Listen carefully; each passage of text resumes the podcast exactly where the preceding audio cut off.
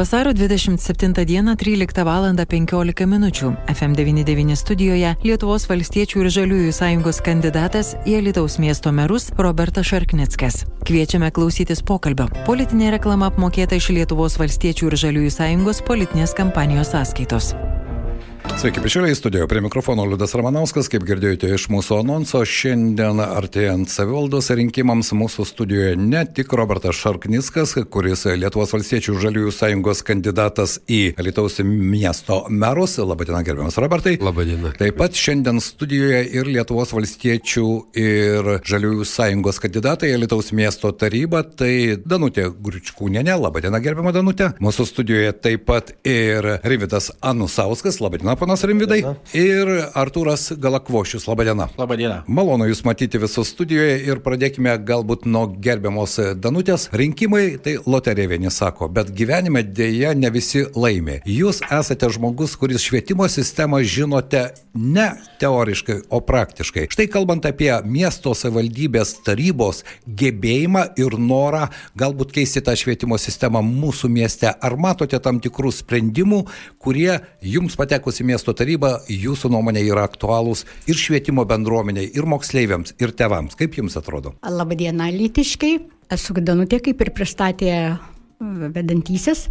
Pastebėjote turbūt visi, kad valstiečių kodinis žodis yra sažiningumas. Sakyčiau, kad jo trūksta mūsų ir švietimo sistemoje.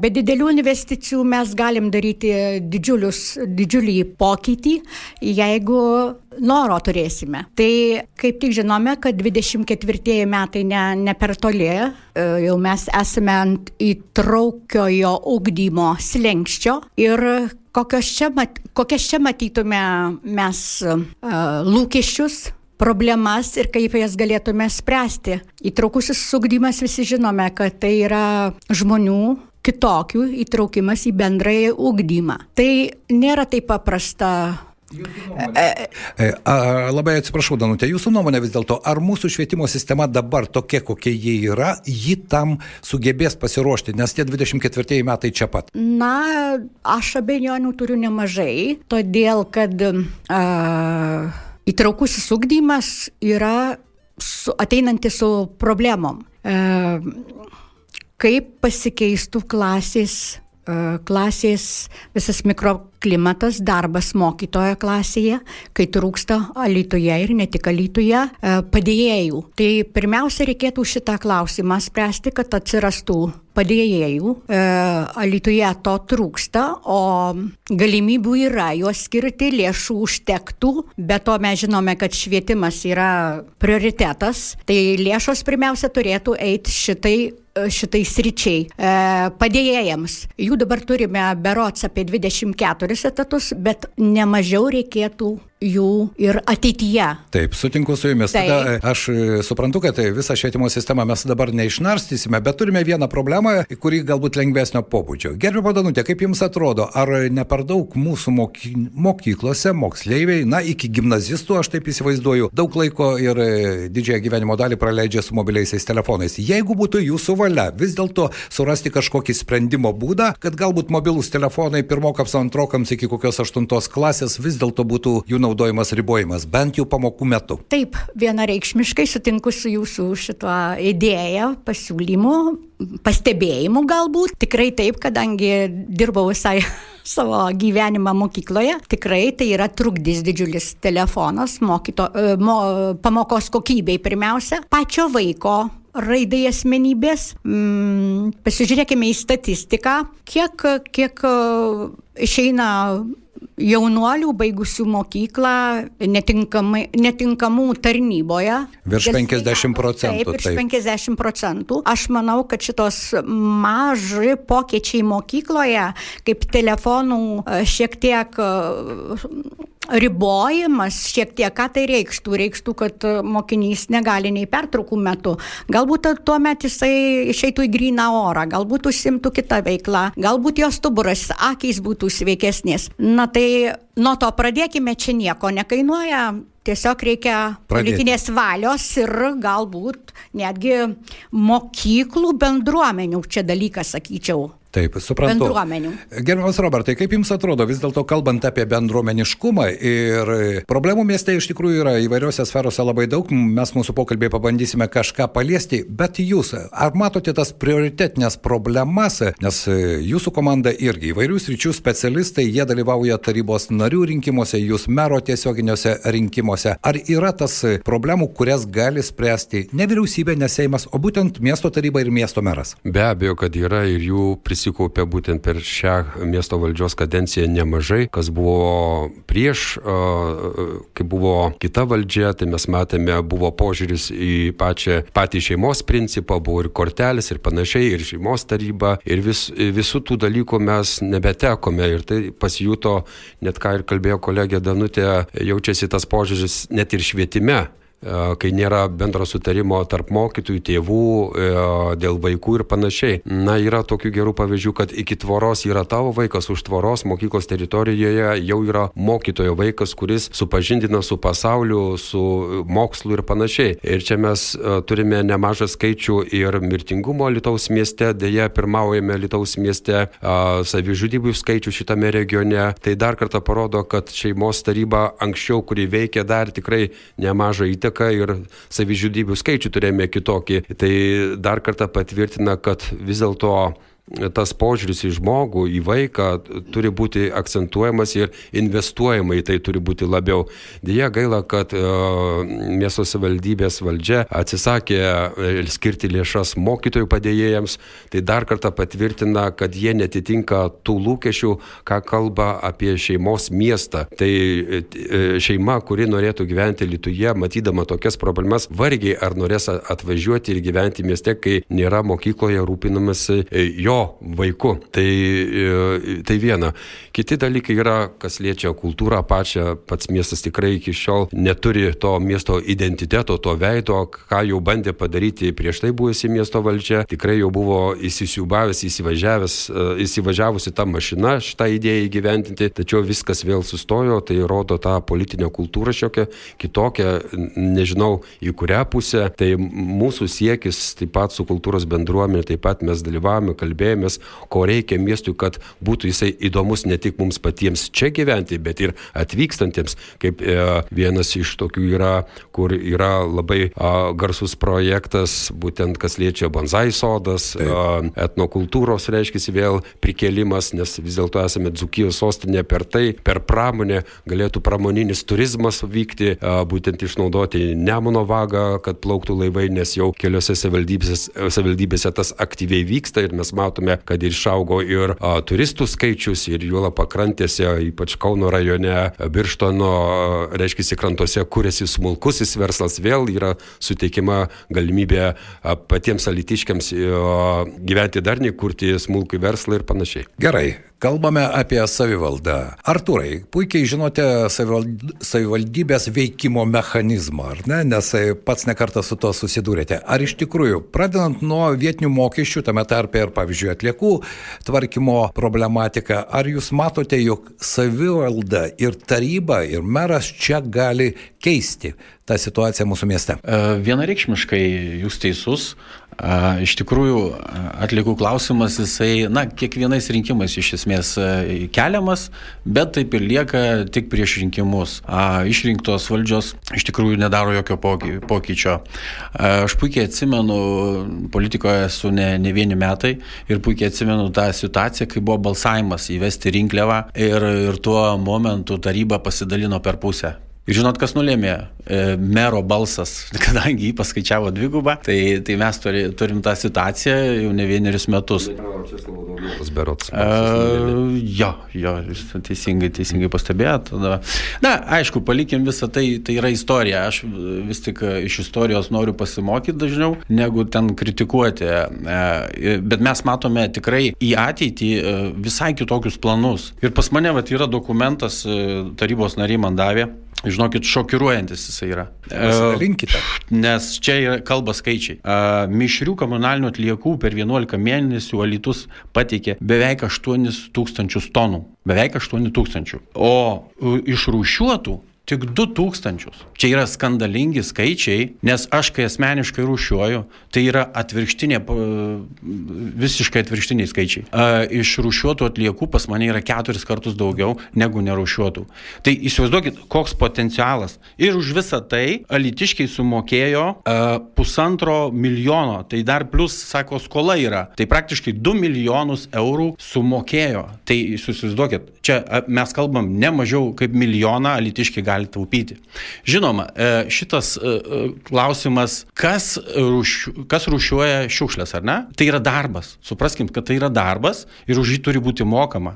Dabar už tą darbą kas gauna naudą? Kažkokie verslininkai. Ne miestietis. Miestietis, kad gautų naudą, turi būti pakeista tvarka Mes turime grįžti atgal, tai yra paslauga, o ne rinkliava. Kai mes sumaišome savokas, tai mes tada kažkokiam tai kosmose gyvenam. Ir, ir šitas uh, dalykas labai erzina rinkėjus.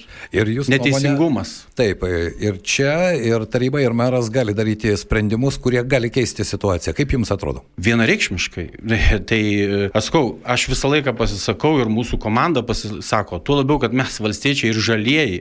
Tai jūs įsivaizduokit, aš dabar pasižiūrėjau žiūriu į Takniškių tą savartyną ir žiūriu, ten kyla kaip e, Egipto piramidė. Už visą tai reikės mum vėlgi sumokėti. Tai jūs įsivaizduojat, kaip mes uh, sėdim ant tiksinčios bombos. Mes stumiam tą problemą, ignoruojam. Daug kas politikų šteka, kad visą tai galima padaryti, bet niekas nieko nedaro.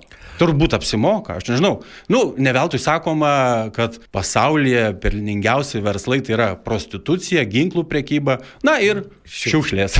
Kągi, ačiū Jums už Jūsų nuomonę nuomonę, Rimvidas Anusauskas puikiai susipažinęs su miesto infrastruktūra, Rimvidai ir saugaus eismo problematika, jie aktuali, jie aktuali, nors Lietuvoje žučių keliuose mažėja, bet vis dėlto kalbant apie mūsų miestą, štai prieš mūsų pokalbį klausytojai klausė, kodėl mieste dabar miesto centras sutvarkė, buvo projektai, europiniai pinigai, bet visa tai, kas nuo miesto toliau, kalbant ir apie tas gatves, kurio yra čia pat atrodo, alėjinės, puikios gatvės, dar priminančios tarpukario laikus, jos atrodo Dievo užmirštos ir neaišku, kada ten kas nors bus daroma. Koks jūsų požiūris? E, kitas, laba diena, pirmiausia, kitas sakytų, kad gatvės netvarkingos, duobės, saugiau važinės automobiliai. Aišku, nes greičiai bus mažesni, bet, tai, bet iš tikrųjų tai aišku, tai yra gadinamas transportas, kai transportas važinės toks, kaip sakoma, ne visai tvarkingas, tai irgi žūčių ir nukentėjimų įvairių autovarijose skaičius padidės. Dėmesį, aišku, čia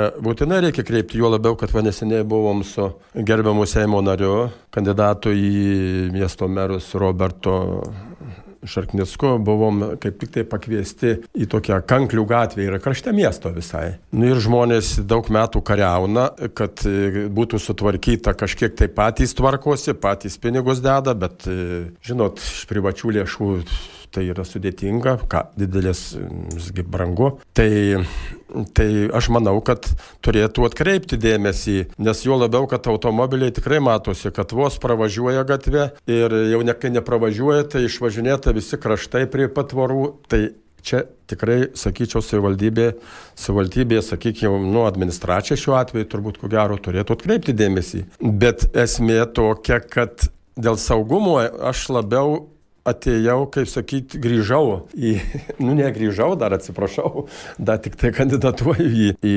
tarybos narius dėl to, kad, nu aš manau, kad reikalinga daugiau kreipti į saugų eismą, tai tai prasme, kad būtų apribojama kažkokie tai eis, eismo, e, reiškia, važiavimo greičiai kažkur, tai, tai tie apribojimai pagrindė pasireiškia važiuojant per sankryžas, kai yra pagaliau, pagaliau žiedinės sankryžos atsirado. Aš 2005 metais, kadangi tuo laiku, kai jau Lietuvos automobilis Automobilinkų sąjungos prezidento pareigas, aš mačiau visos Europos, kaip tos žiedinės sankryžos jos yra ir kaip jos yra daug, daugiau saugesnį, e, taip sakoma, vaira, važiavimą mieste užtikrina. Tada buvo juokėsi kažkaip tai ir taip toliau. Ir toliau buvo statomos e, šviesaforai, nu, kurie aišku irgi yra saugus, bet tai kai esant intensyviam eismui, tai intensyvumą, kaip sakoma, eismo jau apsunkina. Bet jūsų nuomonė vis dėlto, e, Rimvidai, jeigu kalbėti apie tą sistemą ir eismo sistemą ir bendrai infrastruktūros vystymą mūsų mieste, matote, ką galima daryti savivaldybės jėgomis? Nes dažnas atsakymas yra labai paprastas - nėra pinigų. Kaip jums atrodo? Nu taip, šiuo atveju, kas liečia, matot, e, saugų eismą apsprendžia ne vien tik tai infrastruktūra. Vienas iš veiksnių tai yra tik tai. Yra veiksnių tokių, kad į tą, kaip sakoma, į vairuotoją yra, kaip sakoma, tarpinė tarp šito, tarp sėdinės ir vairo, kad sėdi kaip protas dirba žmonių. Tai šitam, kai aš dar savo laiku, kai aktyviai dirbau, turėjau įmonę ir Alytaus autoklubas kaip tik tai E, buvo aktyviau dirbo, dabar aišku tik tai po varžybas varžinėjom, tai tuo laiku būdavo mes labai mokyklose aktyviai rengdavom tuos saugaus eismo konkursus, kas skatindavo tiem konkursam tam ruoštis. Tai reiškia nuo, mažų, nuo jaunų dienų jau moksleiviai mokė, mokėsi tais kelių eismo taisyklės ir, ir paskui aišku paskui mokėme juos vairuoti, tai jie išmokydom ir praktiškai.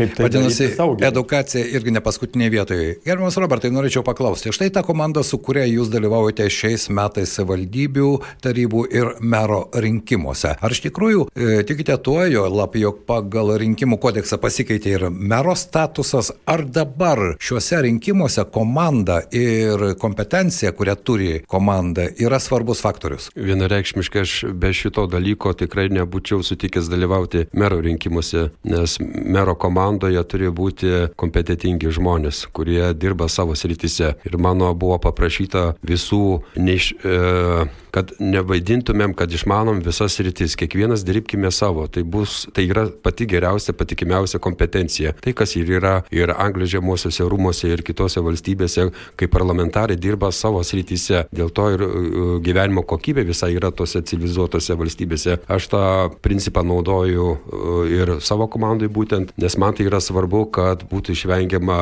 klaidų. Gerbama Danutė, jūs turite irgi ką pasakyti, prašome. Žinoma, kompetencijas tai eina ir nuo nuostatos labai svarbu, kad mes einam tvirti, su savo sažiningumą akcentuojam, nes daugiau sažiningumo už pokytį aš, mes, mūsų devizas, sakykime taip. Iš tikrųjų, pokyčius galima daryti ir be didelių investicijų, ką norėjau šiandien akcentuoti. Ir švietime, pradedant nuo mažų, visai nereika, nereikalaujančių investicijų, pinigų didžiulių. E, gali man oponentai klausti, kaip tu pamatuosi tą sažiningumą. Sažiningumą aš matuočiau atvirumu viešumu, skaidrumu, kalbėdamasi su bendruomenė, su pačiom, paprastas dalykas ir man nieko nereikės įrodinėti. Ačiū Jums, e, štai. Tai, tai dar kartą patvirtina, kokio požiūrio žmonės yra ir būtent mokytoja, pavaduotoja, buvusi mokyklos e, kolegė Danutė tai patvirtina, kad mes uh, turime pakviesti iš bendruomenių žmonių atstovus, kurie dalyvautų ir biudžeto svarstymus ir panašiai. Dabar viskas yra už, už uždarų durų, dėl to tas nepasitenkinimas gyventojų gan stipriai jaučiasi. Kitas dalykas, kad paminėjau, minėjote, gerbiams liūdai, kad trūksta pinigų, vat, tokią priežastį pasako. Na bent jau dažnai turėjom... yra deklaruojama, kad tai, viskam trūksta taip, pinigų. Kultūrai taip. trūksta, keliams trūksta, šali, šaligatviams trūksta. Čia kad, čia, kad kultūrai padarė tokį dalyką, kad vos ten papildomai po 5000 e, tiesiog Lietuvoje tapo jau anegdotu ir dėl to tenka apgailę stauti. Ta būtinai mes turėsime peržiūrėti ir biudžetą, sutvarkyti adekvačiai ir dabar uh, trūksta lėšų, bet 11 milijonų tai turėjom. Tai Jie net neišnaudoti. Na, kadangi mūsų tarpe yra matematikė pagal išsilavinimą, tai aš irgi niekaip nesupratau, gerbimo Danutė, gal trumpai galite vienu sakiniu pasakyti, kaip trūkstant lėšų perteklius yra 11,5 milijono. Kokia čia logika matematinė? Yra tam tikra paslėpta logika, gal mums nelabai supras su tokiam, su tokiam idėjom ir nuostatom, bet mes ją jaučiam tiesiog. Jaučiam. Su, supratau. E, Artūrai, kaip jums atrodo, iš tai ir Robertas paminėjo, minėjo tą atvirumą ir bendravimą su miesto bendruomenė, nes mano nuomonė vis dėlto vietos e, savivalda, taryba, tai yra žmonės turintys tarnauti tai bendruomenė, kuri čia gyvena. Ar jums užtenka to bendravimo, kalbant apie įvairias visuomeninės grupės su miesto valdžia? Aš manyčiau, kad tikrai tas bendravimas būtinai reikalingas ir bent aš asmeniškai vadovausiu vienu paprastu dalyku. Net ir blogiausiam pasisakymė yra dalis tiesos. Tai kai mes sužinome žinome tiesą, tai mes galim e, daryti sąžiningus sprendimus, ar ne? Ir, ir, ir, tos,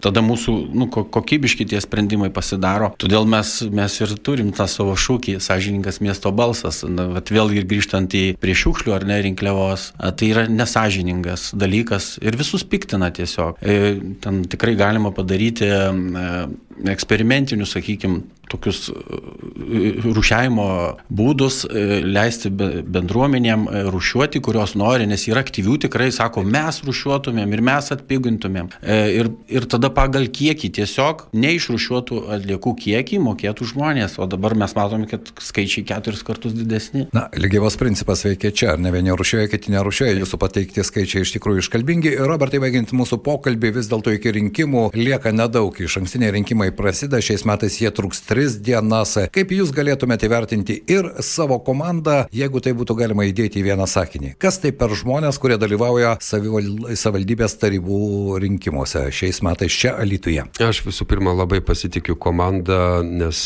su ne vienu savo nariu bendravau ne vienerius metus ir per tos šešis politinius metus aš pamačiau, kad tais žmonėmis galiu pasitikėti. Buvo tarpe ir tų žmonių, kurie egoistiškai elgėsi, tai mūsų komandos valdybos sprendimu mes tokių žmonių atsisakėme priimti, nes matėme tam tikrų godumo ir panašiai. Tai pas mus vienareikšmiškai e, yra stiprų žmonės, jie yra socialiai jautrus žmonėms, gyventojams. Man tai yra labai svarbu, nes mano gyvenimo būdas, e, filosofija būtent yra padėti žmonėms, vaikams, seniorams, vienišiems žmonėms, negalę turintiems žmonėms, bendruomenėms, kurie prisideda prie Alitaus miesto gyvenimo kūrybos. Ačiū Jums, mūsų studijoje šiandien viešėjo Lietuvos valstiečių žaliųjų sąjungos kandidatas miesto mero rinkimuose Robertas Šarkniskas ir kandidatai į miesto tarybą. Tai Danutė Gručkūnenė, kuriai tikrai gerai žinoma švietimo problemos, Artūras Galakvošius, puikiai išmanantis vietinės rinkliavas tame tarpe ir kaip reikėtų skaičiuoti šiukšlių mokesčius ir Rimidas Anusauskas, kuris žino, ką reikėtų daryti, jeigu eismas ir bendras saugumas mūsų mieste būtų geresnis. Ačiū Jums šiandien, linkiu sėkmės,